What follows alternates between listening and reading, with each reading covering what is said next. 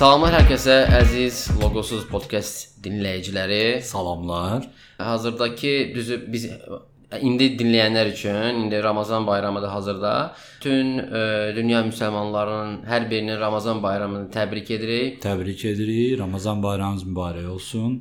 Tutduğunuz oruclar qəbul olunsun. Nə muradınız, nə arzunuz varsa, hamısı da diləyimiz odur ki, Tanrı tərəfindən həyata keçsin. İnşallah. Əla. Deməli, bu gün çox əla mövzularımız var. Həddindən artıq çox maraqlı mövzulara toxunacağıq. Demək belə deyim də sən e, e, ehtiyac olan şeylərə əslində toxunacaq. Doğrudan da çox vacib olan hissələrdir. Onun əvvəlində isə mən kiçik e, bir məlumat paylaşmaq istəyirəm podkastla bağlı.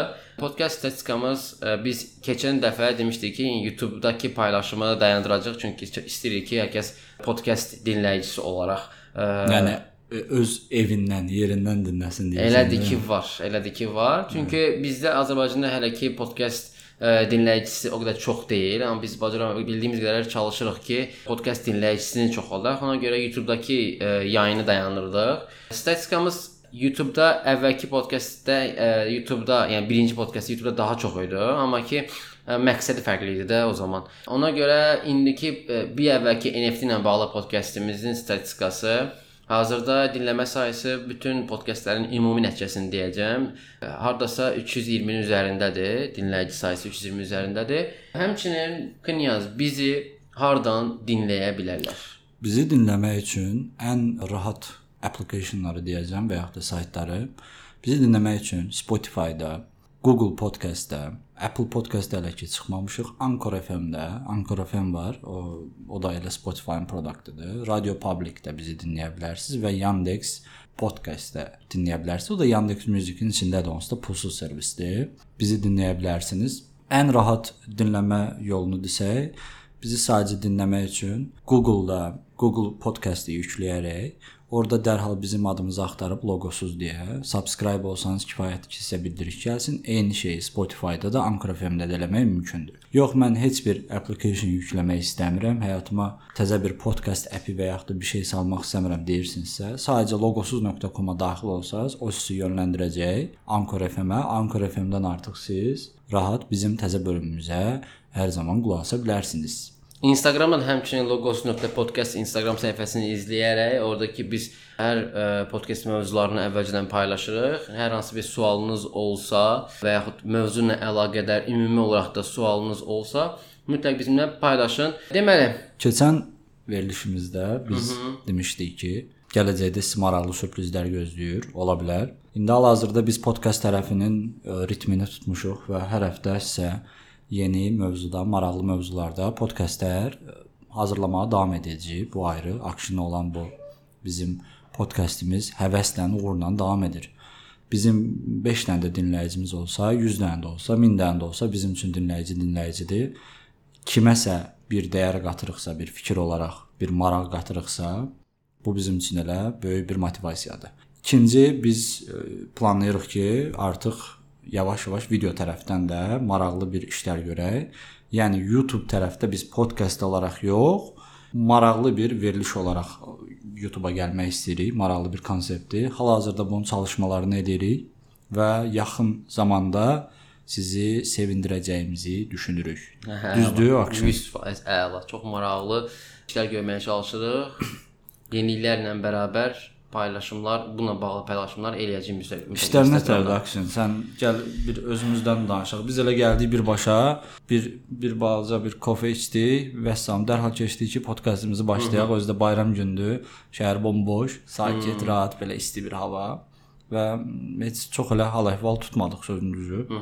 Belə kofemizi içdik, enerjimizi yığdıq, dərhal podkast ilə otağa keçdikcə podkastımızı hazırlayaq. Necə gedir işlər, akşin nə var, nə yox? Yaxşıdır, yaxşıdır. Düzü bayram həftəsində elə çox işlərə vaxt ayıra bilmədim. Biraz dincəlməyi seçdim. İstədim ki, biraz özümə vaxt ayırım.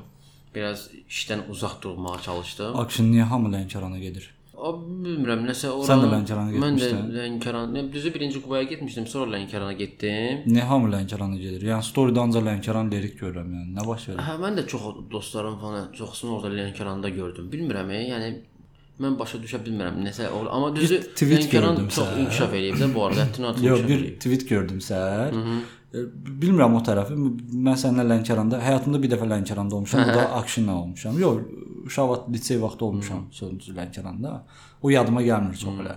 Akşin olmuşam Fənərbağçanın oyununa. Fənərbağçə Xəzər Lənkəranın oyununa. Hadi bir o, çox elə onda hiss eləməmişdim Lənkəran tərəfi.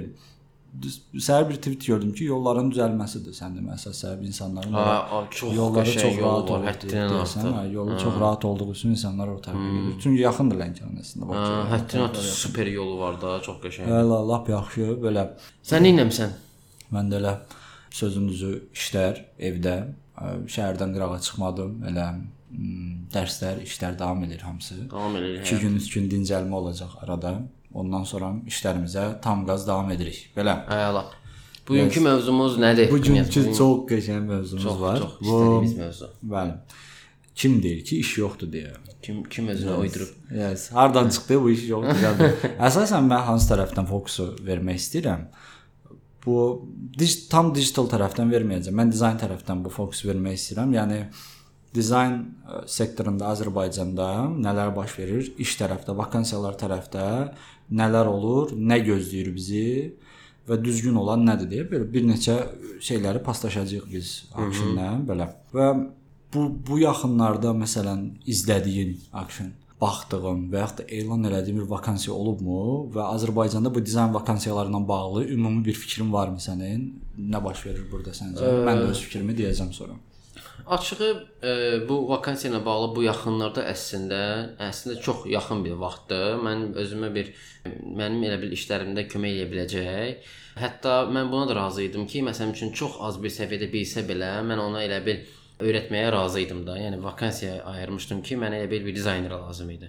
Komandaya. Komandaya, komandaya dizayn- Startup üçün yoxsa öz işlərin üçün? Ə, əslində mən startap üçün istəyirdim ki, sırf o işə yönəlsin, sırf o işdə mənim kömək eləsin. Düzü belə deyim. Sən nə axtardın UX UI? Mən əslində UX UI dizayner birisini axtarmırdım. Açığı sadəcə ə, öz işlərini bir az da olsa dəyərli qıla bilən və özünə inanan məsuliyyətli bir dizayner axtarırdım. Yəni çünki dediyim kimi sonradan onu inkişaf elətdirməyə, kömək eləməyə, onu elə bil müəyyən bir səviyyəyə gətirmək üçün əlimdən gəlib ona kömək eləyərdim. Hə mənim üçün əsas olan o idi ki, yəni sadəcə ə, öz işinə bağlılığı və yaxud inanımı sırf məsələn üçün ə, özü o məsuliyyəti daşıya bilən bir dizayner olsun. Nə oldu? Nə baş verdi axırda? Ə, açığı belə deyim də, bu vakansiyalar var. Məsələn üçün bizdə dizaynerlərdir. O dizaynerlərə bu vakansiyalar həddindən çox təsir eləyir. Həddindən artıq çox təsir eləyir. Nə nə baxımdan? bax belə məsələn üçün standartlaşmış bizdə bir dizayn vakansiyası var, formalaşmış agentliklər tərəfindən yaradılan copy paste şeylər var da. After Effects. Ay sağ ola. Ona görə bizim dizaynerlər də çalışır ki, o vakansiyalara uyğun özünü inkişaf elətdirsin əslində. Yəni ə, ümumi bir inkişaf yox, ümumi bir dizayndakı inkişaf yox. O vakansiyalara uyğun şəkildə inkişaf etdirməyə gəlir. Keçən dəfə bir dənə ə, dizayner dostum var, onunla, onunla danışırdım. O deyirdi ki, elə bil əslində çox iri bir ə, layihədir də, startapdır. Ə, deyir ki, bir dənə dizayner axtarırlar, məni çağırdılar, LinkedIn-dən paylaşdılar, çağırdılar, dedilər ki, biz dizayner axtarırıq, amma ki UX UI dizayner axtarırıq. Yəni bizim layihəmizi mobile application hazırlaya biləcək bir dizayner axtarırıq falan belə. Amma ki deyir ki, biz istəyirik ki, bizlə işləyən dizayner Startupdır bunlar. Hə bu startapdır. Yəni çox əslində çox əla bir startapdır. Adını deyə bilmərəm də, yəni olur elə. Adını deyə bilmərəm, reklam olmasın. Hə.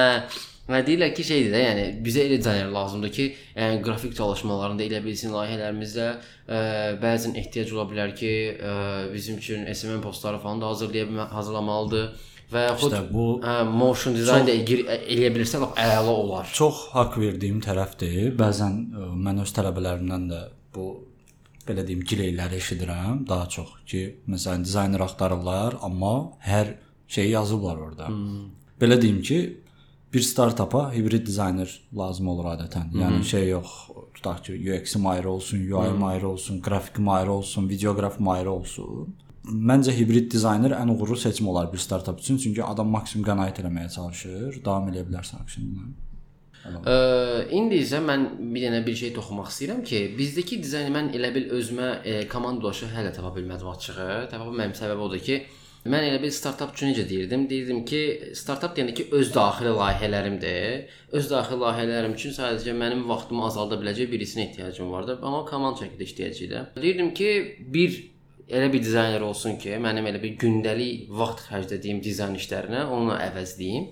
Amma ki görürəm ki, elə bir mənə portfolyolar göndərirlər, elə bil ə, daha çox da açıq CV olan göndərirlər. Amma CV nə mənası var ki, yəni portfolyoda işlər bir daha vacibdir əslində mənim üçün də. Ay CV sən sadəcə CV-yə bir dəqiqə baxıb Hə, ay sağ ol. Yəni, çox az bir vaxt, hə. Görürəm ki, məsələn üçün sırf elə bil, yəni o in, bizim internetdəki vakansiya saytlarına uyğun şəkildə özlərini inkişaf etdiriblər də. Qətiyyən yəni ə, çox nadir insanlardır, çox nadir dizaynerlərdir ki, ə, sözün əsl mənasında ümumi e, dizayn gedişatına şəkildə özünü inkişaf elətdirib. Standart bir dizayn uyğunlaşması var. Bir çox portfolyoda bu belə davam eləyib. Okay. O, dizayn tərəfdə desəm mən. İndi düzdür, yavaş-yavaş bizdə bu sektor iki yerə bölünməyə başlayır. Yəni UX ayrı, UI ayrı axtarmağa başlayanlar var artıq. Bunlar düzdür agentliklər deyil Azərbaycanda. Agentliklərin də Azərbaycanda hibrid tərəfdə olduğunu düşünürəm. Daha çox axtaranda hibrid dizaynerlər axtarırlar. Bazara görə məncə çox normaldır bunların hibrid dizayner axtarmaqları. Çünki bazar bunu tələb eləyir ki, mən maksimum qənaətlə belə deyim, işçi heyəti saxlayım öz əlimdə və ən çox qrafik tərəfdə gileylər var. Düşünürəm ki, bu sektordakı, hə, hətta Clubhouse-da da bir neçə dənə söhbətə qulaq asanda ən çox bunu deyirdilər ki, bu SMM tərəf öldürdü. Hmm. Dizaynı öldürdü. Amma mən burada elə burada da bir mövqe qoyacağam bu gün və bunu buna nöqtəni qoymaq istəyirəm əslində mən. Çünki ümumiyyətlə bununla bağlı çox elə publik fikir bildirmirdim, amma öz fikrimi bildirəcəm. Mən öz tərəfimdən desəm, komandama bir dizayner götürəsi olsam, hansı nöqtədən baxaram bir dizaynerə? UX mi götürürəm, UI mi götürürəm, buna görə dəyişir və daha çox düzdür, biz ikisini bir yerdə axtarırıq adətən axtaranda. Ə, İkisini bir yerdə axtarırıqsa, əgər komandada rəhbərliyi sən eləyəsən sonra, əlbəttə sən onun vizual tərəfini daha çox düşünürsən ki, UI-ı yaxşı olsun, yaxşı. içəridə o bir tərəfi mən yetişdirərəm. Və nəticədə sən nəyə baxırsan, onun portfolyosuna baxırsan, Behance-nə və yaxud da Dribbble-a public portfolyosu varsa ona baxırsan, yoxdursa gözləyirsən ondan e-maildə filan bir şeylər açsın. Mən də ona baxaram sözün düzü, amma sırf UX axtarıramsa, UX-də ən böyük elədiyi kadrların səhvlərdən biri odur ki, bir UX vakansiyaya müraciət edəndə Behance profillərini atırlar. Sizin UX vakansiyaya müraciət edirsə, vizual gördüyünüz işlərin heç bir mənası yoxdur. Əgər işə götürən düzgün kadr axtardığını düşünürsə, yəni ümumiyyətlə doğrudan da UX axtardığını düşünürsə, sənin Behance və Dribbble atdığın linkin heç bir önəmi yoxdur. Çünki daha çox vizual tərəfə yox, burada sənin case study-lər və yəni həll yollarına baxırıq ki, hansı problemləri necə həll etmisən. Burada isə rol oynayır nə? Ki hansı ki Azərbaycanda kadrların ən çox elədiyi səhvdir bu mən belə düşünürəm. Yəni işə müraciət edən kadrların. E-mail göndərir. E-mail nədən ibarətdir? Başlığı yoxdur, CV var. Vəsiq qutardı. Hmm.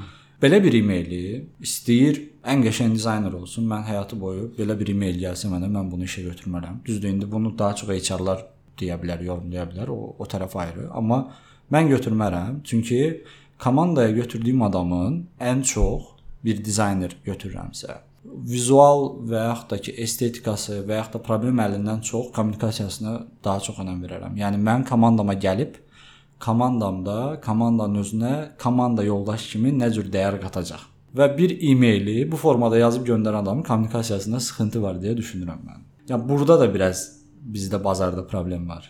Yəni işə müraciət edənlərdəki e-mail, boş e-mail, CV, müraciət bu bitdi. Yəni bu qədər bu qədər sadə olmamalıdır əslində. Əlbəttə ki. Ə, İkinci belə bir şey var ki, məsələn, təzə junior dizaynerlərdə mən gördüyüm boşluqlardan biridir.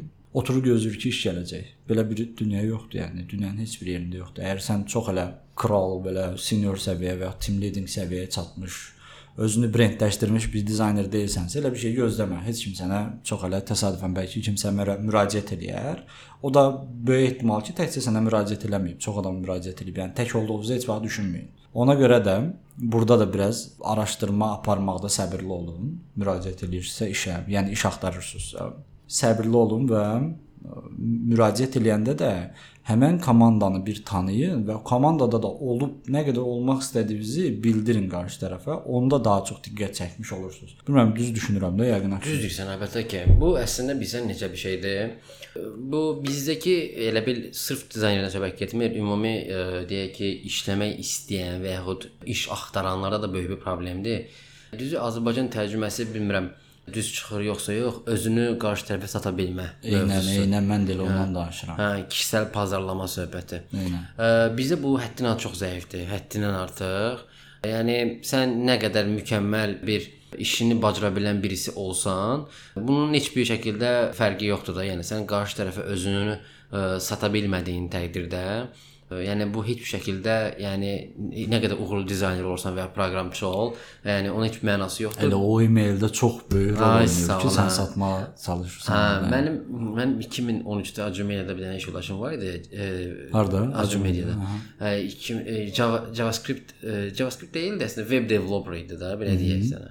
Web developer idi. Adam yəni işini ə, həddindən artıq mükəmməl bilmirdi də, işini bil- amma ki qarşı tərəfə elə satırdı ki, yəni çox böyük hə, adam JavaScript-i bildiyini bilmədiyi halda qarşı tərəfə elə bir izah şəkildə izah eləyirdi ki, şəxsən mən daxil hamımız qane oldu ki, bu adam JavaScript-i mükəmməl bilir də. Aha. Hə, amma ki məsələn özü etiraf edirdi ki, məsələn üçün öz komandalaşına deyirdi ki, məsələn üçün JavaScript səviyyəm həddindən çox azdır, ehtiyac olduğu qədər məsələn üçün Google-da search edirəm, axtarıram eləm, copy paste edirəm, yapışdırıram, Okay. işi təhvil verə bilirəm də. Amma qarşı tərəfə elə satırdı ki, yəni adam nə desə ona qane olurdu. da. Deyirdi ki, hə düz deyirsən, sən deyən də, yəni sən artıq mən aldım. Belə Bu özü də bir istəkdir də. Yəni hə. istəyini bildirir adam. Ona görə də çox normaldır, yəni komandaya qatılmaq istəməyindən özünü satması, yəni bu çox normal və olması gərəkən prosesdir, yəni belə deyim. Yaxşı, bir dənə belə bir şey var. Mən buna toxunum bir istəyirəm bir fikir bildirim. SMM-i qaralayıblar. Dizayn ölüb, SMM gəlib zırt-pırt. Yəni bu, bu bunun axırı nə olacaq filan. Bütün hamı SMM agent deyirlər. Bir 4 il, 3 il qabaq mənim bir fikrim var idi. Deyirdim ki, indi ola bilsin siz leafletlər hazırlayırsınız, bukletlər hazırlayırsınız və ya da müəyyən editorial işlər görürsüz. Amma bir neçə il sonra artıq görəcəyiniz bu leafletlərin falan heç bir önəmi olmayacaq. Çünki print dövrü Yavaş brendinq tərəfdə qalacağını düşünürəm. Qablaşdırma da tərəfdə həmişə qalacağını düşünürəm, o ayrı. Amma informasiyanın qarşı tərəfə ötürülməyində artıq düşünürəm ki, print dövrü bitir. Daha çox digital tərəfə fokuslanırlar. Əgər insanlar digital tərəfdə reklam eləməyə başlayırlarsa özlərini və bunu banner, müəyyən bir poster, müəyyən bir informasiya yolu ilə, manipulyasiya yolu ilə və yaxud da bir animasiya yolu ilə insanlara çatdırmaq istəyirlərsə, ki düşünürlər ki, "Ha, bu informasiya bu formada çatır qarşı tərəfə. Hı -hı. Bunu kim görməlidir? Qrafik dizayner görməlidir elə bunu. Hı -hı. Yəni əslində SMM sözünün SMM dizayner terminin özündən narazıyam mən. Hı. SMM dizayner ola bilməz. Bu yenə qrafik ki. hə. Və qrafik SMM dizayner, hə, lazım olsa digital üçün iş görər, hmm. lazım olsa print üçün iş görər. Dəxli yoxdur yəni. Əgər sənin sektorun təkamüldən keçib gəlib digital dövrə düşürsə, deməli sən digital üçün işləməlisən. Qutardı getdi. Ya ac qalacaqsan, Hmm. ya da ki belə olacaq. Hə. SMM agentliklərin verdiyi maaş və işçiləri yanaşma tərəfi biraz burada sual doğura bilər. Yəni yerindən duran belə deyək ki, SMM agentliyi açır. Hansı ki məncə bunun da backgroundu yenə də Azərbaycanın reklam şirkətləri olmalı idi. Hansı ki bunlar o, o tərəfdə onlar yatıblar. Hmm. Təkliyi var ki, onlar bu sektora girir. Çünki yenə də reklamdır. Ənənəvi reklamın sadəcə digitala keçmiş haldır. Və yerindən duran bir SMM agentliyi açdığı üçün götürür 200 manat, 100 manat, nə bilim 300 manat və yaxud da səni test eləyirik deyib 3 ay işlədir. Sonra yola salır belə pulsuz. Hə, bunlara qarşı şiddətli qarşılığım var ki, vaxtımız çatsa onlara da ayrıca toxunacağam. Belə, ölkədəki agentliklər tərəfinə girmək istəyirəm. Ümumiyyətlə sənin ölkədəki agentliklərlə bağlı eksperiensin olubmu? Ölkədəki agentliklərlə açıq heç vaxt işləməmişəm. Ümumiyyətlə işlərini görürsən, ümumiyyətlə razı salır səni işləri. Söhbət han, ne, ne, hansı növ agentlikdən gedir? Yəni interaktiv, yəni web agentliklər olsun və yaxud da bir qrafik brendinq agentlikləri Yox, falan olsun. Yəni açığı- ümumiyyətlə bu bu tərəflər səni nə dərəcədə belə deyim də satisfy eləyir? Mən açığı belə 3-cü bir third party adamam, çünki qıraqdan baxan adamam deyək ki, çünki mən e, heç bir Azərbaycanda heç bir hər hansı bir agentliklə işləməmişəm açığı, hər hansı bir işlərində də. Yo, mən yaxşı tanıyıram. Hə, onu amma belə qıraqdan baxan birisi olaraq açığı sayılı agentliklər olduğunu görürəm. Elə bil bizdə bu işi bilən, bir də işi bilməyən var da. İşi bilməyənin hə, rəhbərlikdən. Hə, işi bilməyən birisi e, o agenti, o agentə rəhbərlik eləyirsə, o əslində deyək ki, həddən artıq gedişatı dəyişdirə bilir. Onda belə bir şey doğrudurmu yoxsa yanlışdırmı deyə. Səncə bir dizayn agentliyinin rəhbəri dizayner olmalıdır yoxsa yox? Təbii ki, o olmalıdır deyə bir şey yoxdur, amma ki e, Olsa yaxşı olar. Hə, olsa olsa pis olar. Hə, amma ki elə bil digital adam olmalıdır, belə deyim. Digital adam olmalıdır. Mütləq digital düşünməlidir. Digital Mən düşünməlidir. mən hətta 99% deyərəm ki, 1% indi nəsə istisna qoymaq olar, Hmm. amma yəni 99% deyərəm ki, mütləq dizayner olmalıdır. Hmm. Yəni bu sektoru çox yaxşı belə dəli bilən bir adam olmalıdır ki, komandanda, dizayn komandasında rəhbərliyini bir müddətli eləyib, Hmm. onların işini apara bilsin deyə deyə düşünürəm. Hətta Azərbaycandakıların əksəriyyəti rəhbəri dizaynerdir. Hmm. Belə deyim, brendinq tərəfdə Azərbaycanda sayılı agentliklər var. Sayılı deyəndə hətta 2-3 dənə agentlik olar ki, onlardan məncə birini yaxşı deyərəm, digərlərini bilmirəm. Amma veb tərəfdən indi Action-dan fərqli olaraq Action daha çox xariclə işləyir. Amma mən veb tərəfdən deyə bilərəm ki, Azərbaycanda agentliklər kifayət qədər var. Bir 5-6 dənə agentlik hmm. çıxar. Çıxsa, amma yaxşı iş görən 1-2 dənə olar. Olmaz. Onlarda da müəyyən bir adət-ənənə var. O adət-ənənə ilə sayt yığırlar və yaxud da bir application yığırlar. Yəni adət-ənənə adətən dəyişmir. Hı -hı. Belə müəyyən bir stilistikalar var, onu təkrarlamaqla məşğul Hə, standartlaşmış bir stil. Bəs abi Belə. Burada agentlərlə bağlı fikrimiz budur və SMM agentlərlə bağlı belə bir şey deyim. Ən çox bayaq bir üstünə bir, da, bir daha vurum mən bunu. Ən çox mən SMM agentlərin maaş tərəfindən narazıyam. Necə gəldi qiymətə işlər götürürlər və müştərilərlə işləyirlər və əvəzində də dizaynerlərə çox ucuz qiymətə maaş verirlər. Bu o demək deyil ki, dizaynın Azərbaycanda qazancı budur. Qrafik dizaynerdə əslində web dizaynerdə, yəni web deyim ümumiləşdirim biraz, kifayət qədər pul qazana bilər. Bu sektor çox böyük və rahat pul qazanıla bilən, yəni bu əvəzini ala biləcəyiniz bir sektordur, belə deyim. Burada bir dənə də mövzuya mən saptırmaq istəyirəm bu danışdığımız mövzunu. Məsələn, kimsə şikayət edirsə ki, iş yoxdur qardaş. hmm.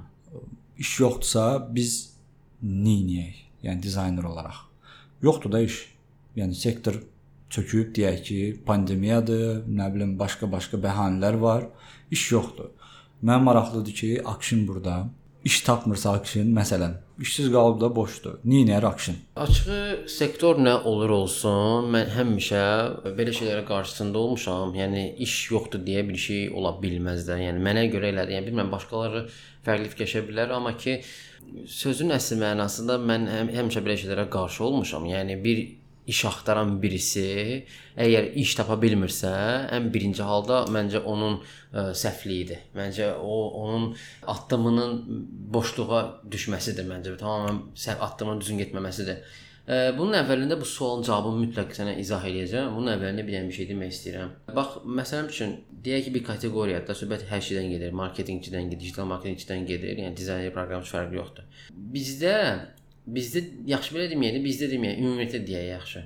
Mən həmişə bilmirəm sən razısan yoxsa yox. Ə, mən həmişə belə fikirləşirəm ki, əgər sən ə, söhbət maaşdan gedir də. Əgər sən 300 manatlıq dizaynersənsə, deməli abi sənin dəyərin odur.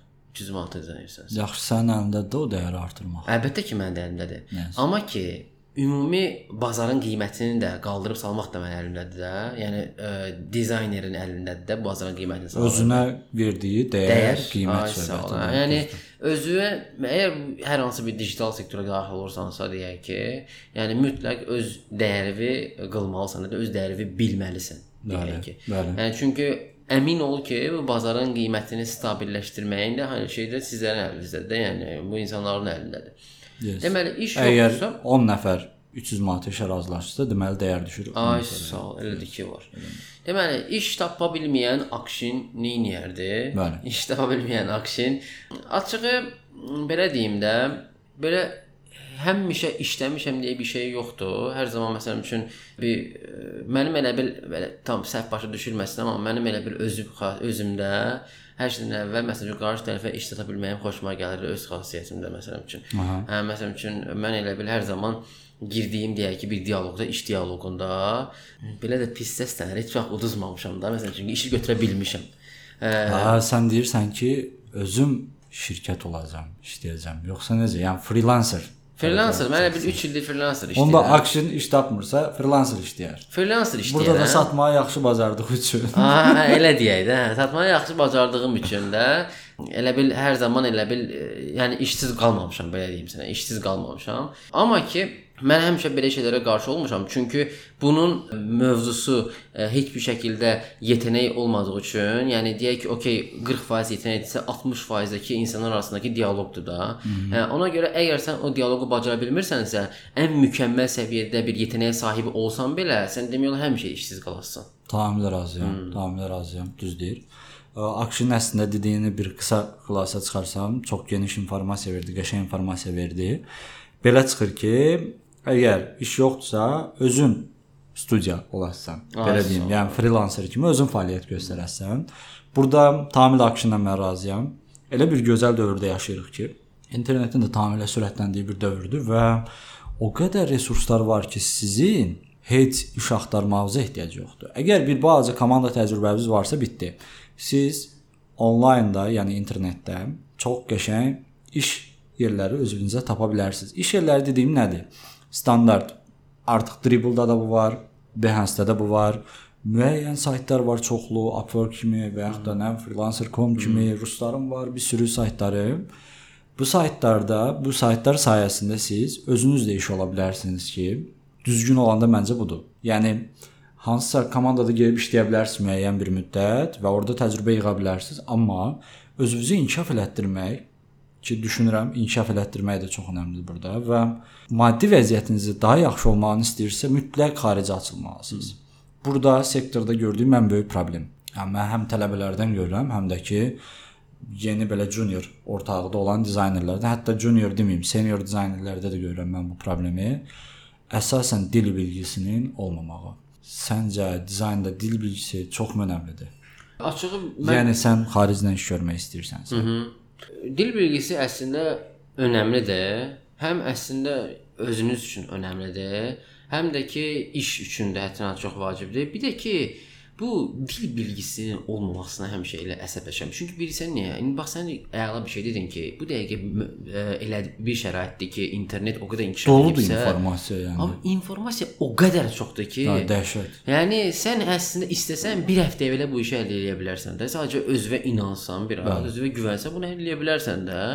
Yəni bunu hani bilmirəm, söhbət bağladım. Yəni Yox, bax, söhbət bağladım. Elə söhbət ola bilməz. Standart bir şey deyirəm də. Sən oturmusan burada. O da oturub qarşı tərəfdə Kanadada, nə bilim hardasa bir yerdə. Google Translate var. Ay, Yaz Google Translate-də tərcümə elə. Əlavə qramarlı deyilən bir şey var. O Google Translate-in də qoyduğu qrammatik səhvləri o düzəldəcək, düzəldəcək. Vəsə vur, yaz qardaş göndər də.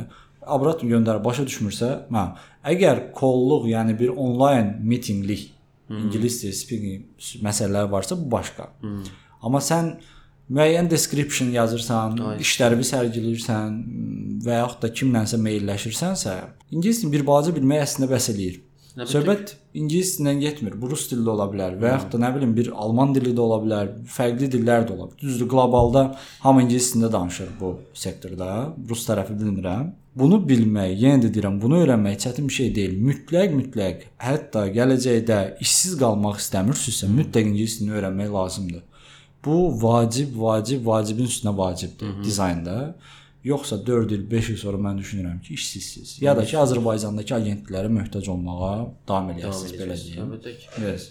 Yaxşı, bəs belə bir şey də var. Ən çox eşitdiyim şikayətlərdən biridir. İşləyirəm, işim var, maaş yaxşıdır, amma xoşbəxt deyiləm. Bum. Bax bunlar bu şikayətləri mən çox eşidirəm. Gedən dizayner getdiyi yerdən bir müddət sonra xoşbəxt olmamağa başlayır. Səncə bu ki, mən də öz fikrimi deyəcəm. Səncə bu dizaynerin özünün belə deyim problemidir, yoxsa iş yerinin problemidir? Əgər işçinin orada xoşbəxt olmaması. Hə, yəni ha- hamısında bir dizaynerlərin hamısında bir gözləntimi var formalaşıb. Nə olmalıdır qardaş ki, burada sən xoşbəxt olasan deyə. Varmı belə bir şeylə bağlı fikrin? Sənin də işçilərin var. Əla. Belə əslində bu iki yerə ayrıla bilər. Birincisi, bilmirəm düzgün səslənir yoxsa yox, dizaynerin və yaxud hər hansı bir işçinin işləyən, yəni hansı agentlikdə işləyən birisinin öz egosundan da ola bilər. İkincisi də ki, təbii ki, şirkətdəki xoşbəxt bir, səmimi bir vəziyyət yoxdursa, əgər sıxıcı bir ə, ortamdırsa deyək ki, yəni təbii ki, indi xoşbəxtlik ümumiyyətlə bütün işdə xoşbəxt olmaq, xoşbəxt olaraq iş görmək həddindən çox vacibdir. Mən məsələn üçün deyək ki, 3 ildir ə, freelancer işləyirəm. Məsələn üçün müəyyən yerlərdən də məsələn üçün iş təklifi almışam, amma ki bilirəm ki, heç vaxt xoşbəxt ola bilməyəcəm də. Mən elə bir monoton həyat yaşaya bilmərəm də. İstəyirəm ki, rahat hərəkət edeyim, rahat yaşayım. Ona görə belə xoşbəxtəm deyə həmişə elə bir bu, bu strukturu qorumuşam, belə xoşbəxt olduğum üçün davam edirəm. Amma ki, əgər ki bir işçi və ya bir dizayner bir agentlikdə xoşbəxt deyilsə, dediyim kimi ya onun ə, daha üst səviyyələri görməsi üçün ə, ego, egosundan da qaynaqlı ola bilər, ya və yaxud oradakı sıxıcılıqdan da ola bilər ki, o da işçiyə həddindən artıq təsir edir. O artıq işçi o komandanın bir üzvü yox, ay sonunu gözləyən və saat altını gözləyən, tez bir şəkildə bitirim, tez çıxım gedim olan bir işçi olaraq davam eləyəcək. İstənilən işçi olacaq bu. İstənilən işçi olacaq. İstənilən işçi olacaq. Bəli, tamamilə razıyam. E, işlədiyin işdə xoşbəxt deyilsənsə, bunun neçə fakt, bir neçə faktorları var mənim də baxış tərəfindən. Çünki mənim özüm də komandam olub və işləmişik, ondan bilirəm. Bir, işin başındakının işi bilməyən bir adam olduğu. 2, həmən komandanın başındakının işi bilməyən və egoist birisinin olduğu bu işə çox təsir eləyir. 3 ən önəmli faktorlardan biri qazancdır. Hı -hı. Çünki gələn işçi gəlirsə bir müddət sonra başqa iş axtarmağa başlayır. Çünki adam durmadan qa- qazanc tərəfdə inkişaf eləməyə çalışır. Mən burada dizaynerlərə məsləhətim iki tərəfdən baxmaqdır. Düzdür, qazanc tərəfi çox əhəmilidir. Ölməməliyik, hər halda yaşamağa davam eləməliyik və birbaşa bizim modumuza təsir eləyən amillərdən biridir qazanc. Bu ayrı. Digəri isə sən orada sənə qazancdan əlavə nə dəyər qatır. Yəni bu da çox əhəmilidir. Yəni sən orada doğrudan da qəşəng bir portfolio və real bir experience işlər görürsənsə, mən orada qazancı ikinci plana atardım. Çünki 100%. nəticədə o mənə onsuz da gələcəkdə dəyər olaraq, maddi dəyər olaraq geri qayıtmış olacaq. Elədir ki, var. Və Azərbaycandakı agentliklərin də indi hal-hazırdakı bazardakı dizaynerlərə bu tərəfdən dəyər qatdığını düşünürəm. Ola bilər ki, düşünürəm ki, axır vaxtlar agentlər yaxşı maaş verməyə başlayıb. Yəni 1-2 agentlik bilirəm ki, bunlar hə, normal maaş verirlər, sırf veb tərəfdə. Və ən önəmli şey bu agentliklərin bizə qatdığı dəyər ki, mənim özümün də aldığım dəyər olub bu. Görülən işdəki, portfolyodakı maraqlı işlər. Hmm. Yəni bu tərəfdir. Və gəlib dizayner gələn kimi hə mənə nə bilim yaxşı kompüter alın, nə bilim bunu eləyin, hmm. maaşımı qaldırın filan düşünürsə, biraz da dizaynerin öz egosunun olduğunu düşünürəm burada. Ona görə də bəzən bəzi komandalarda gələcək əldə eləyəcəyiniz üstünlükləri nəzərə tutub dözmək olar. İşləmək də olar yəni belə. Digər dediyim şeylər də ancaq rəhbərlikdən asılı olan şeylərdir. Əgər bir işçi xoşbəxt deyilsə, orada o direkt rəhbərliyin problemidir. Çünki ya rəhbərlik kadrı düzgün seçməyib, komanda uyğun adam seçməyib, komandadan kənarda qalıb, ya da ki rəhbərlik komandanı düzgün idarə eləmir və onlardan biri də xoşbəxt olmayanlardan biri də işə götürdüyü yeni adamdır. Bir də məsələn üçün bəzən şirkətlərdə şey də olur, motivasiya əksikliyi də olur. Ya motivasiya əskili, motivasiya bərabərdir pul demək deyil. Hə, əlbəttə ki, o heç. Amma ki, bax, bir dənə belə bir şey deyəcəm də. Mən elə bil 2010-cu ildə İstanbulda elə bir təsisdə, yəni 2-ci ilim idi, işləyəndə elə bir, bir dənə develop butik bir dənə development firmasında işləyirdim. Yəni təbii ki, indi onda dollar 1.17 idi. 1.17 idi. 700 TL maaş alırdım. İşte maaş alırdım. Amma inanırsan az bir rəqəm idi. Yenə də yenə də 700 TL az idi təbii ki. Amma bir tələbəyə görə normal idi də. Full time, e, part time işləyirdim. Abi inanırsan bir dənə motivasiya verdi adam. Yəni maaş falan fikirləşmirdim də. Yəni adam mənə bir dənə qaz verirdi. Yəni dəhşət idi. Yəni elə bil heç vaxt ağlıma fikirləşmirdim ki, ay görəsən nə vaxt maaş yatacaq eləyəcək falan filan. Çox ruhlandırırdı məni həddindən artıq. Düşünürəm ki, burada tamamilə haqlısan və deyəcəyim şeyi biraz vizuallaşdırım. Bir komandada olan adam baxmayaraq ki, rəhbər akşindir və nəticədə pulun ən çoxunu akşin qazanır və bu komandada olan adam elə bir motivasiyada olmalıdır ki, həmin komandanın içində hər iş gələndə doğrudan da bizim komanda bunu sökməlidir, partlatmalıdır, ortaya çıxartmalıdır maraqlı bir şey. Onun motivasiyasına, qazı ilə davam eləməlidir. Hmm. Belə. Evet. Yəni işi mənimsəməlidir. Mən bu komandanın üzvüyəm və ən layiq olan, ən yaxşı nəticəni verəcəm deyə. Belə. Yəni bu da deyirəm birbaşa rəhbərlikdən qaynaqlanan bir şeydir. Nə olacaq bu işlərin axırı belə deyək. Yəni sənin bu pandemiyadan sonra, yəni bizim bir neçə lockdownlar oldu, qapanmalar oldu. Hətta biraz nətərim yaxşı tərəfdən baxmayacağam məsələyə, biraz pis tərəfdən baxacağam mən məsələyə. Əslində həmişə yaxşı tərəfdən baxanam, amma reallıqla bu dəqiqə düşünmək istəyirəm ki, böyük ehtimal ki, pandemiya bitməyəcək və uzun illər davam eləyəcək. Yəni biz müəyyən qapanmalarla davam eləyəcəyimizi düşünürəm. Hı -hı. Yəni bu vaksinasiya filan indi necə təsir eləyəcək onu bilmirik, amma tam təsir eləyəcəyini düşünmürəm. Həyatımızda yenə də əngəllər olacaqlarını düşünürəm deyə belə deyim. Hətta mən illər öncə deyirdim ki, illər öncə dedim əslində yaxın keçmişdə bir 3 il, 4 il qabaq deyir, dediyim söz var idi ki, gələcəkdə biz ofisdə oturub iş görməyəcəyik. Yəni kim harda rahatsa orada işləyəcək hmm. və belə də olmalıdır. Kimə harda rahatsa, hmm. harda daha belə deyim, istehsalı, düzgün, sürətli və motivasiyası yüksəksə, orada da hə. olanda əlbəttə ki. Yəni, nə fərqi var? Milyon hə. dənə milyon dənə tool var. Sən o toollar sayəsində onsuz da hmm. işçilərin planlamasını, iş planlamasını, bölgüsünü və yaxud da tənzimləməsini, vaxtı-vaxtını hmm. verib verməməsi, iclasları falan bunların hamısını əldə edə bilirsən, bilirsən. Tutar ki düşünürəm ki, və bu pandemiya dövrü bu, bunun üçün qəşəng simulyasiya dövrü oldu. Öyrəşdirdi biraz bizi ki, kənardan da işi görə bilərik. Sən rayonda da oturub iş görə bilərsən. Ya, əlbəttə. Uzağı bir laptopun olsun və sən bəs eləyir, iş yolunda gedir. Hmm. Bu tərəfdən aparmaq istəyirəm ki, səncə gələcəkdə remote dövrmü gəlir, yoxsa yenə də elə ofis dövrünə qayıdıb yenə də 9-6 işləməyə davam eləyəcəyik? Söhbət bizim ölkədən gedirsə, Azərbaycandan gedirsə, Ə, açığı mən yavaş-yavaş indi bizim Coworking Lütfüzadə Texnologiya Mərkəzində də Coworking Center-də görürsən ki, burada da məsəl üçün bir çox işçi hər hansı bir şirkətin remote işçiləridir. Məsələn, ki, mənim bir dostum var deyir ki, mən danışmışam ofisdən, ofisdə oturmuram, bura mənə daha rahatdır. Yəni bayaq sən dediyin kimi daha rahatdır. Mən burada özümü daha sərbəst hiss edirəm deyə oturam belə anlaşmışıq, burada işləyirəm.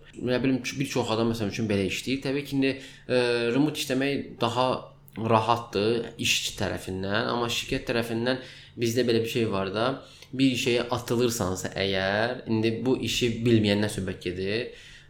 Bir of, deyək ki, agentlik qurmağa atılırsansa, iki dənə sabit şey var ağılda. Bir, MMC açmaq, ikincisi də ki, ofis qurmaq. Hı -hı. Aha. Və bacara bildiyim qədər məsələn üçün insanlara elə bir işçi tayfasını yığım, heç şəkildə ay sonundakı o büdcə planlaması falan fikirləşməyim.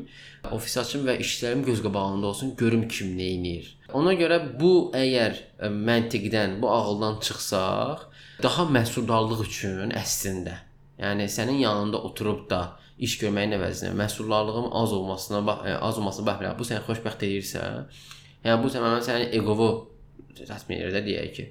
Amma daha məhsuldarlıq, o məhsuldar olması üçün Yəni təbii ki, orada əlbəttə ki, remote işləməsi daha məntiqidir hər zaman. Bəli. Mən belə deyim də, hər əlbəttə biz də iş həyatı istəyirik, ofisdə də olmaq istəyirik, komanda yoldaşlarımızı da görmək istəyirik. Amma insan harda rahatsa orada öz işini görsə, əgər mən bunu doğrudan da kompüter arxasında oturub işimi görürəmsə və nəticədə işimi deliver vaxtı vaxtında təhvilini verə bilirəmsə. Burada bir də ən çox gələn şikayətlərdən biri odur ki, məsələn, deyəndə ki, komanda rəhbərinə ki, bəs niyə insanları, məsələn, gələcəkdə qaytararsan ofisə, deyir qaytararam. Nəyə görə qaytararsan deyəndə deyir ki, hə, su istifadəyə dönə bilər bu. Hmm. Bizim millətdə belə bir düşüncə var. Amma bir işçi əgər remote işləyirsən, məsələn, və ya remote deyil, ofisin var. Amma istədiyin vaxt gəlmə, otur coffee-shopdardırsa işdə və yaxud da məsələn gəldin, oturdun 2 saat ofisdə işlədin, ürəyin sıxıldı, çıxdın yuxarıda hmm. hardasa bir coffee-shopda oturdun işlədin. Bu mümkündürmü? Mümkündür, olmalıdır da mümkün. Çünki sən istənilən halda kompüterin qabağında oturub produktiv olursan və sən hara rahatsa orada olmalısan. Bunun sui-istifadə dönəcəyini düşünürsənsə, bu özü də biznes rəhbərinin özünün problemidir. Hmm. Yəni sən elə bir şərait, elə bir sistem qurmalısan ki, işçi harda xoşbəxt oldu, orada işləməlidir və bunu sui-istifadəyə çevirməməlidir də. Yəni bununla sistemləşmiş müəyyən sistemlər var da, indi agile-lar var, hmm. nə bilim, scrum-lar var, fərqli-fərqli, nə və yaxud da ki bir task management sistemləri falan var. Sən bu sistemlərlə düzgün tənzimləyirsənsə, sən deyirsən ki, yox, mən rahat olsun, elə gözümün qabağında olsun, mən burdan nəzarət edeyim. Elə iş olmur. Sən gözümün qabağında olsa belə, sən bunun onlaynda düzgün bir yazılı formada menecmentini aparmalısan. Ki bunu apara bilirsənsə, istənilən halda işçi istəyir işdə olsun, istəyir ofisdə, ofis daxilində olmasın, başqa yerdə olsun, işini məncə aparacaq. Əlbəttə ki.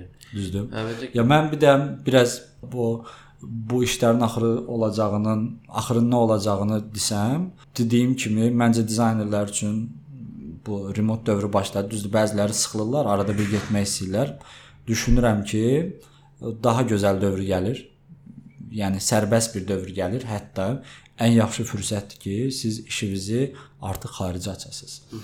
Belə düşünürəm ki, mən Azərbaycanda bir dizaynerin qazanacağı bir məbləğ limitlidir. Ondan o tərəfə keçmir. Hı -hı. Deyək ki, bir qrafik dizaynerin qazanacağı pul 2000-dən o tərəfə keçməz, manatdan. Bir ə, web dizaynerin qazanacağı pul da 3000-dən o tərəfə keçməz. Əgər həmin pozisiyadadırsa. Hı -hı. Sizin üçün qəşəng fürsətdir ki, çünki dünyada ümumiyyətlə bu pandemiya dövrü davam eləyir və hamı remote-da dizayner axtarmağa çalışır. Yəni sən Amerikada oturan bir biznes və ya da startap sahibi daha çox bu dəqiqə ona sərf eləyir ki, girsin, çox keyfiyyətli bizim zonalarda daha ucuza iş görən, hansı ki bizim üçün daha qəşəng rəqəmlərdir bunlar, dollardır çünki. Dizaynerlər axtarsın. Bu sizin üçün əla fürsətdir ki, siz bu sektora da bu formada atılmış olarsınız. Bax, gəl sənə bir dənə nümunə göst- nümunə deyim. Bu sözüm yəni təsdiqləyici şeylərdən bir dənəsidir. Fiverr bilirsən də Fiverr. Ha, bilirəm, Fiverr e, iki dənə r ilə yazılır.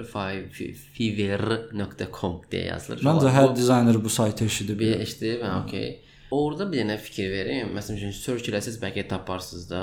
Landing page yoxdur, hansı bir saytın landing page, amma belə HTML, design, HTML, CSS sənə bu şəkildə verir, təqdim edir sənə layihəni.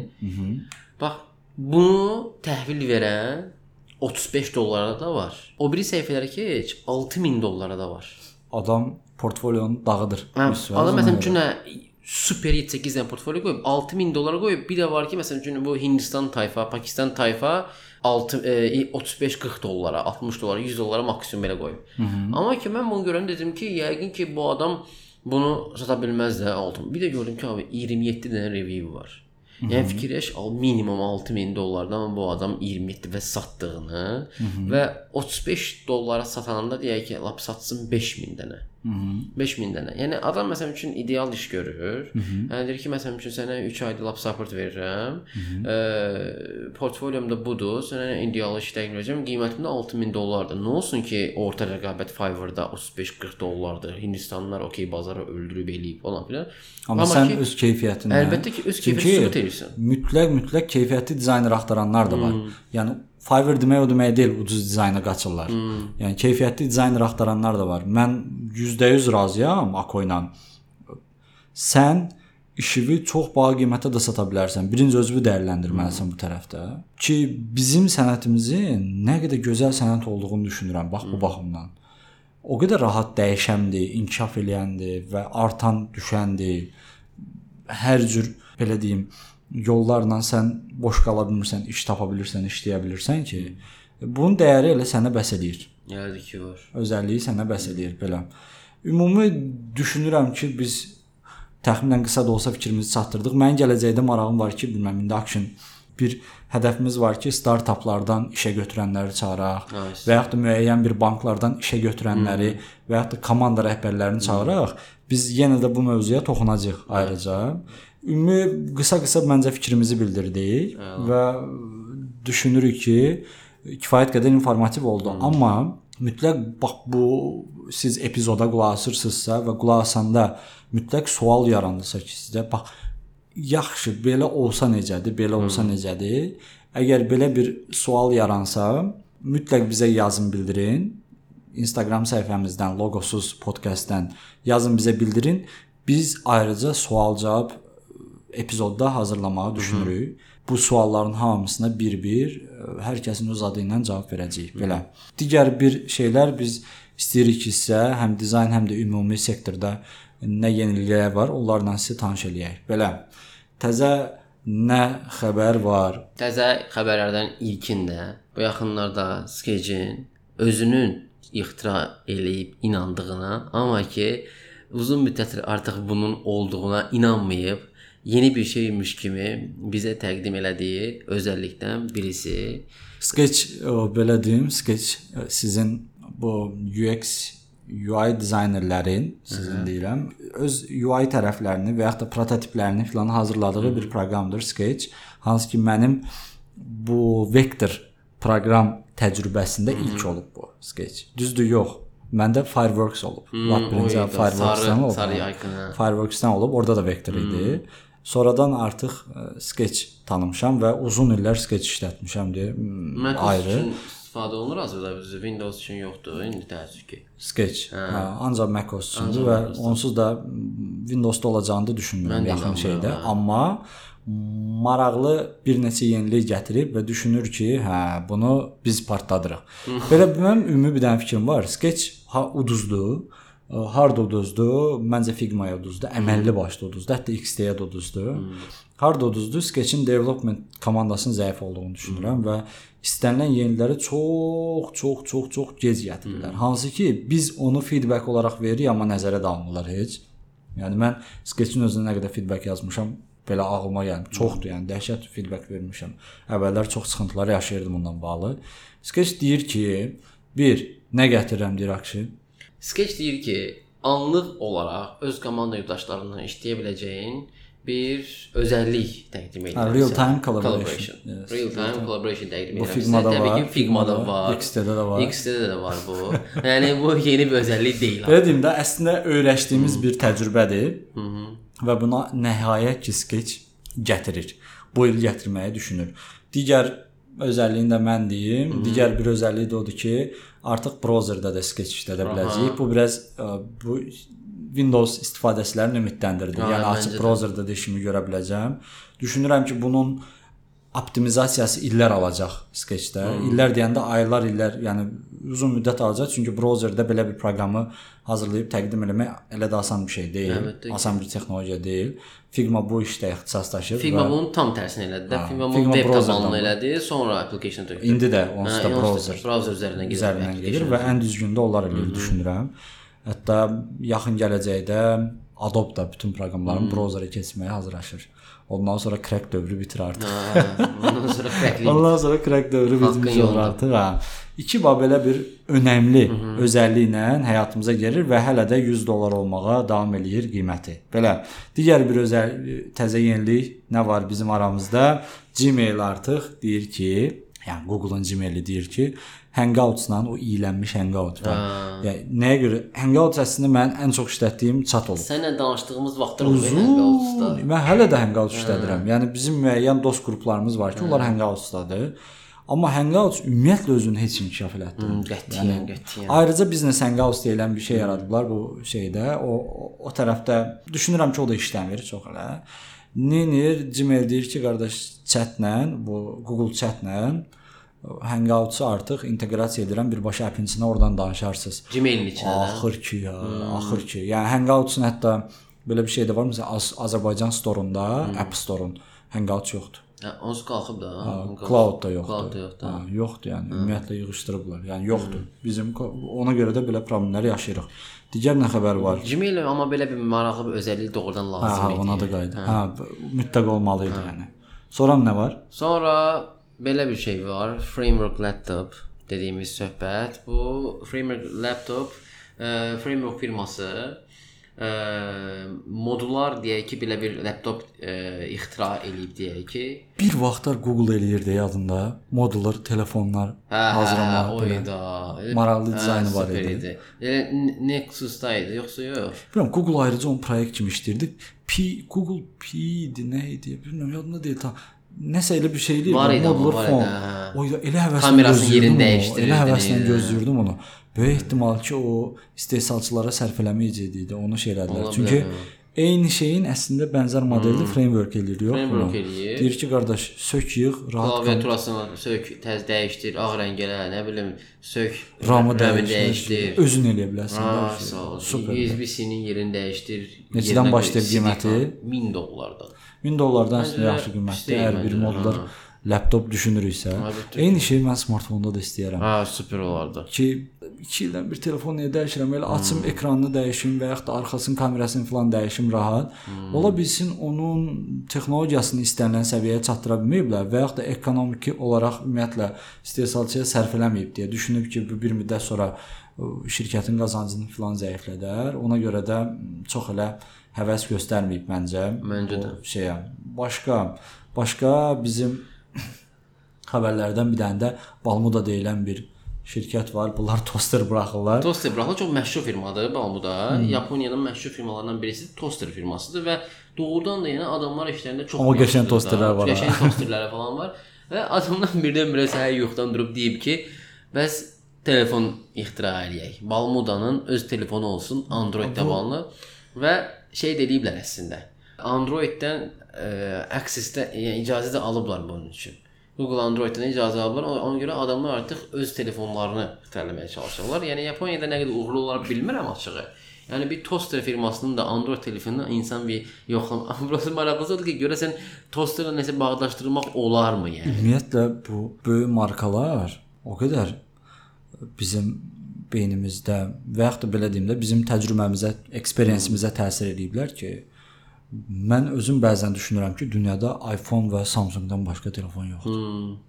Yəni nə alıramsa trust, yəni etibar eləyəcəyim bir şey alıramsa mən bunlardan birini almalıyam deyə. Elə telefon Yəni mövzularından balmı da yox, məsələn, tutaq ki, baxırsan Oppo reklamı gedir, nə bilim nə Hə, gedir. hə, Deyirəm bu, bunu yəni işte çünki qiymətləri də ucuz deyil ha. Yəni baxıram məsələn, hə, tutaq ki, mən şey işlədərəm, OnePlus işlədərəmmi? Düşünmürəm. Yaxın gələcəkdə mən OnePlus kimi bir telefon işlədim və yaxud modelə müraciət edim. Çünki bağlı olduğum bir marka var və nə qədər mənim ehtiyaclarımı bu marka qarşılayacaqsa ta, mən bunu dəyişməyi də düşünmürəm. Ki düzgün olan da budur. Və məsələn OnePlus tutaq ki, bir fon buraxır. Deyirəm ki, heç olmasa baxım ki, məsələn, hansı nöqtədən mən bunu dəyərləndirib alaram mən bu telefonu. Qiyməti də ucuz deyil. Yəni qiyməti heç olmasa mənə sərf eləsə, artıq qiymət telefonda ümumiyyətlə bu telefon bazarında, smartfon bazarında qiymətlərin də çox olduğunu düşünürəm. Yəni sabah uzaq ya Xiaomi də buraxır, o da artıq qiymətləri dəyişir eləyir. bahadır yəni. Samsung amma çox iddialı davranır. Məsələn üçün qiymət telefon qiymətlərində məsələn üçün məncə çox Çünki lüks markadır. lüks markalar. Sadəcə mən Samsungda narazı olduğum şey telefonun üzərində Samsungun loqosunu görmək istəmirəm. Ha, amma mən yanaşma tərzim budur. Yəni məsələn mən bu telefonun üzərində Samsungun loqosunu görəndə bir də onların oturmuş dizayn mədəniyyəti yoxdur. Deyə, yəni Apple deyirlər onlar bir. Apple trendmakerdir amma Samsung belə deyim zırt da deyil. yəni trendmaker deyil. Adamlar hər il təzə dizayn çıxardılar, hoqqa verirlər də. və Onlar biraz e, user friendly getmir məncə. Samsung biraz e, Apple-ın o tərəfini işlətmədiyim üçün bilmirəm, amma yəni dizayn tərəfdən. Məsələn, Apple-ın bir BMW olduğunu düşünürəm və bir Porsche olduğunu düşünürəm. Çünki bir dizayn mədəniyyətləri var, dizayn stilləri var, ondan davam eləyirlər. Ona xırda toxunuşlar gətirib trend yaradırlar, amma Samsung hər il qabağımıza təzə telefon Niva çıxardır deyə, hə, biraz orada mən çaşdırır. Neynir Google? Google təzə New Look telefonlara çıxıb. Bir də New Look deyəndə ki, yəni Google Pixel 6, Pixel ümumiyyətlə mən çox xoş deyirəm ümumiyyətlə, amma belə uzaqdan, uzaqdan xoş deyirəm də. Yəni Bir, adamlar bir ara keçən il maraqlı bir özəlliyini gördüm Pixel. şey əl hərəkəti yəni. o nə oldu? O hələ davam eləyir, amma o çox qəşəng bir şey olacaq. Adım ki, əminəm də. Nəyi deyirəm sizə bir indi Akşinlə öz aramızda anlaşmışıq. Rahat başa düşürük bir-birimizi. Mən bunu çox arzuladığım özəllikdir bu. Telefonu əlimə götürmədən sadəcə gestur, yəni barmaq Hə. hərəkətlərimlə ekrana toxunmadan mən telefonu istifadə edə bilim. Bunu Pixel gətirib bildiyim qədərilə. Bilmirəm nə dərəcədə optimizə olunub, amma yenə də gətirdi, gətirmişdi keçənki Google Üzərində işləyirlər, üzərində işləyirlər. Hətta super idi. Yəni ovcunun içində toxunanda telefonunun xodunu aşağı yuxarı Superdir, salırdan seyredin. çox O çox qəşəng üzəri idi. Amma məncə hələ düzən çipi təqdimatını ed- eləmişlər, çipin özünün təqdimatını Amma eləmişlər. gəlməmişdi Amma hələ ki funksiya. telefonla inteqrasiya hələ ki olunmayıb Bu da. dəfəkində deyəsən gələsidir bu. Hə, 6 Özəlliklə. fərqli komandalara bölmüşdü. YouTube-da Google Developers-da var məsələn, o şey var. Bax, burada mən deyərəm ki, Google Samsung-dan daha çox trendmakerdir. Hmm, Dizayn tərəfləri adamların təkrarlanır. Yəni hiss Hmm. olunur ki, bu Pixeldir. Kənarda hətta 4 telefon qabağa baxanda indiki məsələn Pixel 6 ilə əlaqə qura bilərəm. İndiki dizaynını gördüyüm üçün. Bax bunu Google bacarır, amma Samsung Təəssüf ki, bacarmır belə deyək. Hə, təzə prolar gəlir hə, 6 prolar. Hə, Pixel 6. Google Pixel 6, Pixel 6 Pro-lar gəlir. Özü şeydir. Burada düzü indi yeni bir şey deyil. Bu yuxarıdakı şeyləri qaldırıblar da, çıxıntını qaldırıblar. Deyəsən yenilənən enerji nəsə özəlliyi ilə filan da gəlir. Maraqlıdır mənə. Nə Hə, amperaja görə, eynilərə enerji, hə. Belə bir şey də gəlir. Hə. Bu görək m, burada bizi gələn verilişlərimizdə çıxar yəqin. Onunla bağlı məlumat verərik. Yəqin ki, mən elə düşünürəm ki, şey olacaq. ə, Solar enerji falan şeydə qoyacaqlar. Super olar, maraqlı olar yəni. Bu bunu eləyər. Əvvəl axır bilmirəm bu, bu batareykalara bir çarə tapmalılar hmm. çünki çərrədib belə. Hətta bilmirəm səndə olur yoxsa yox 10%-dən aşağı düşəndə nəfəs kəsilir. Bizim oksigenimiz çatmağa başlayır, telefonun oksijeni. Amma bir şey deyim, mənim telefonum heç vaxt 10% aşağı görmürsən. qoymursan. Hə, qoymuram ki, düşsün. Belə başqa xəbər varmı? Başqa xəbərimiz yoxdur, Yoxdur, amma hə. ki Yes. bizə dəstəklərini əsirgəməyən insanlar var. Onların adlarını hallandırmaq Yəni, istəyirik. Biz qərar verdik ki, hər hər veriliş bizə dəstək olan, bizə xoş sözlərini yazan, hətta iradlarını və yaxud da təkliflərini bildirən hər kəsin tək-tək adını çəkək və o onlara öz çox sağolumuzu bildirmək istəyirik. Bunlar kimlərdir? Ayxan Həsənlidir, Aysel Hüseynovadır, yes, Mənsur Paşazadədir, Pərvin Mehdiyeva, Edqar İbrahimov, İlkin, Taleh Kərimli, Emiliya Mehbəliyeva, Rəsul Azəroğlu, Aytac Rızayeva, Ruqayya Nağıyevadır ki, bunlara hələ ki indi bizim qabağımıza çıxan bu adlar oldu, Aha. amma çox adam var. Bilirəm YouTube-dan da qoymuşduq. Ha, oradan çox da adam var, bizi, sadəcə bizi paylaşan çox adamlar var. Aha. Bilirəm mənim tələbələrim də çox paylaşır. Tək-tək adlarını çəkmək istəyərəm. Aha. Amma yazı olaraq, təklif olaraq və yaxud da mesaj olaraq bizi repost edib paylaşan və bizə feedback verən insanları bu dəqiqə bizim paylaşa bilirik və bunlara biz çox sağ ol demək istəyirik ki, bizə hər dəfə dəstək olurlar və öz xoş sözlərindən bizə motivasiya verirlər. Sən də nəsə əlavə etmək istədiyin bir şey var Mako? Yox, çox sağ olun, minnətdaram dəstəkləriniz üçün. Yes, dəstəyiniz üçün çox sağ olun və bizi dinləməkdə qalın. Sağ olun. Bay bay. Bye bye.